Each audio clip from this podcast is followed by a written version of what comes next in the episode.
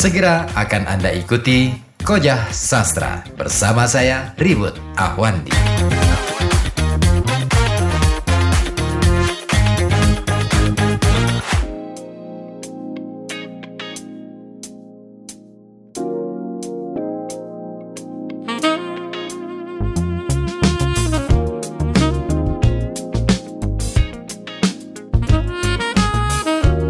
Koja Sastra edisi spesial peringatan Hari Ibu masih berlanjut kawan. Dan tadi kita sudah ulas uh, mengenai puisi Ibu karya Dewi Zawawi Imron uh, yang ternyata puisi ini diilhami oleh cerita ibu yang hidup dalam uh, kebudayaan maritim.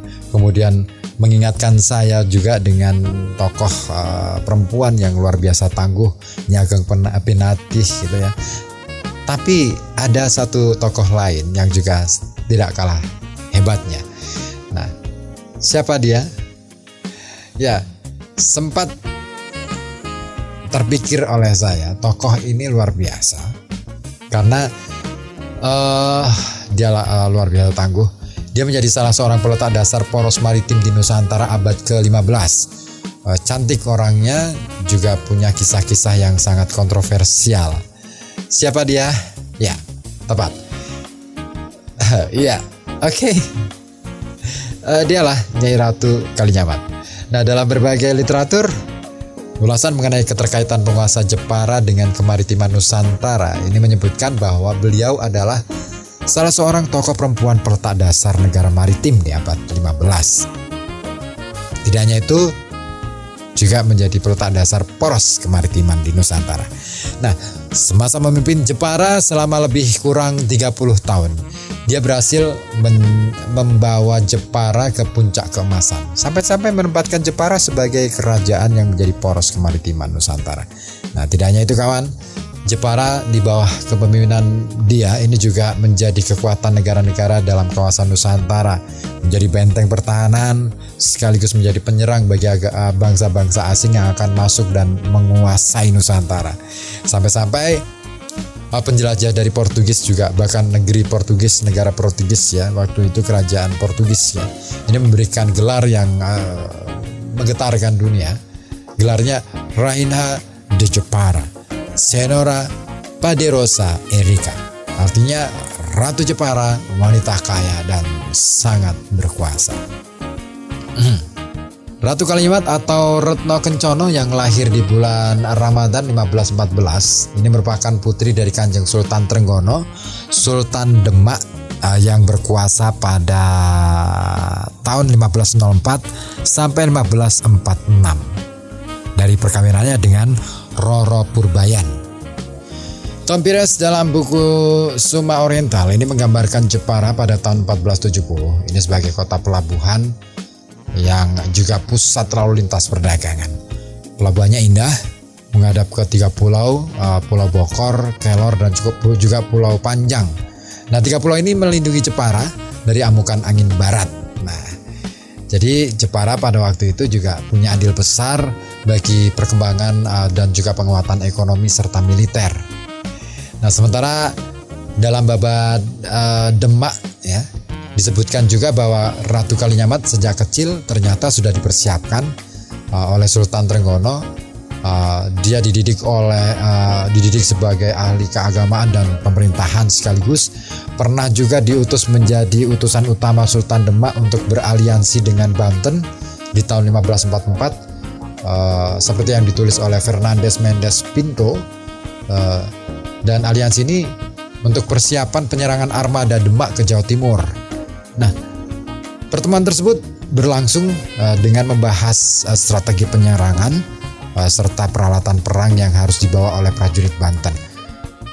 Pada waktu itu disiapkan 40 perahu layar, 30 perahu dayung dan 700 prajurit. Semua itu olehnya Nyai Ratu Kalinyamat ini bisa dipersiapkan hanya dalam kurun waktu 15 hari. Dan itu dilakukan di secara sempurna pada tanggal 5 Januari 1546. Pada waktu itu Ratu Kalinyamat berada dalam iringan armada. dan mereka menuju Jepara untuk melakukan ekspansi ke Jawa Timur. Nah, itu Ratu Kalinyamat. Dan sepeninggal suaminya eh, Pangeran Hadirin, eh, dia kemudian dinobatkan sebagai Ratu Jepara ditandai dengan Chandra Sengkala terus karya Tataning Bumi eh, yang bertepatan pada tanggal 10 April 1549. Nah, Ratu Kalinyamat akhirnya naik tahta dan dia sadar bahwa perang yang terjadi di wilayah sekitarnya ini akan berpengaruh pada Demak dan Jepara sehingga dalam aspek perdagangan ya terutama dengan negara-negara seberang lautan uh, sehingga dia kemudian membangun uh, pola keamanan sistem keamanan yang mampu melindungi perdagangan uh, di Nusantara pada waktu itu terutama uh, yang ada di uh, wilayah kelautan.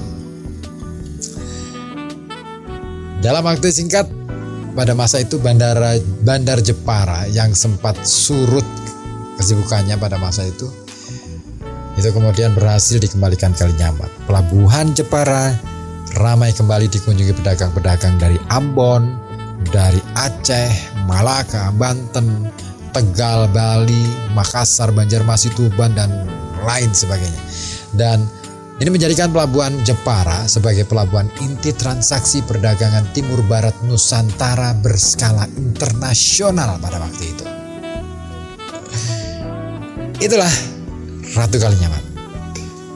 Nah dengan kekayaannya, Ratu Kalinyamat membangun armada laut yang sangat kuat untuk melindungi kerajaannya yang bercorak maritim sehingga mampu memiliki posisi politik, ekonomi, sekaligus militer juga unggul dalam menjalin hubungan diplomatik dengan kerajaan-kerajaan maritim Islam lainnya hingga ke kawasan. Nah, itulah uh, sekelumit ulasan mengenai puisi ibu uh, karya Desawa Imron dengan sedikit cerita tentang perempuan-perempuan tangguh. Uh, yang saya bawakan untuk Anda di acara Koja Sastra pada edisi khusus peringatan Hari Ibu ini. Semoga aja itu bisa menginspirasi kita semuanya, terutama bagi kaum hawa ya, untuk menjadi perempuan tangguh. Dan ya tak terasa ya, sudah dua jam saya menemani Anda di program acara Koja Sastra. Saatnya sekarang saya pamit dan kita akan coba lagi ya, di lain kesempatan malam Jumat ya, mulai pukul 19 sampai 21.00 di FM 91,2 Radio Kota Batik tentunya dengan tema yang gak kalah serunya ya di Koja Sastra. Dan dari kawasan Kuring 7 FM, Kuring 7 FM 91,2 Radio Kota Batik, saya Ribut Ahwadi pamit undur diri. Jangan lupa jaga diri, jaga kesehatan, dan tetap berbahagia dengan sastra. Kita menyelami samudra kehidupan, menjelajah cakrawala, mengarungi semesta raya. Salam budaya, salam sastra. Wassalamualaikum warahmatullahi wabarakatuh. Terima kasih Anda telah menyimak Koja Sastra bersama saya Ribut Ahwandi dari FM 91,2 Radio Kota Bati.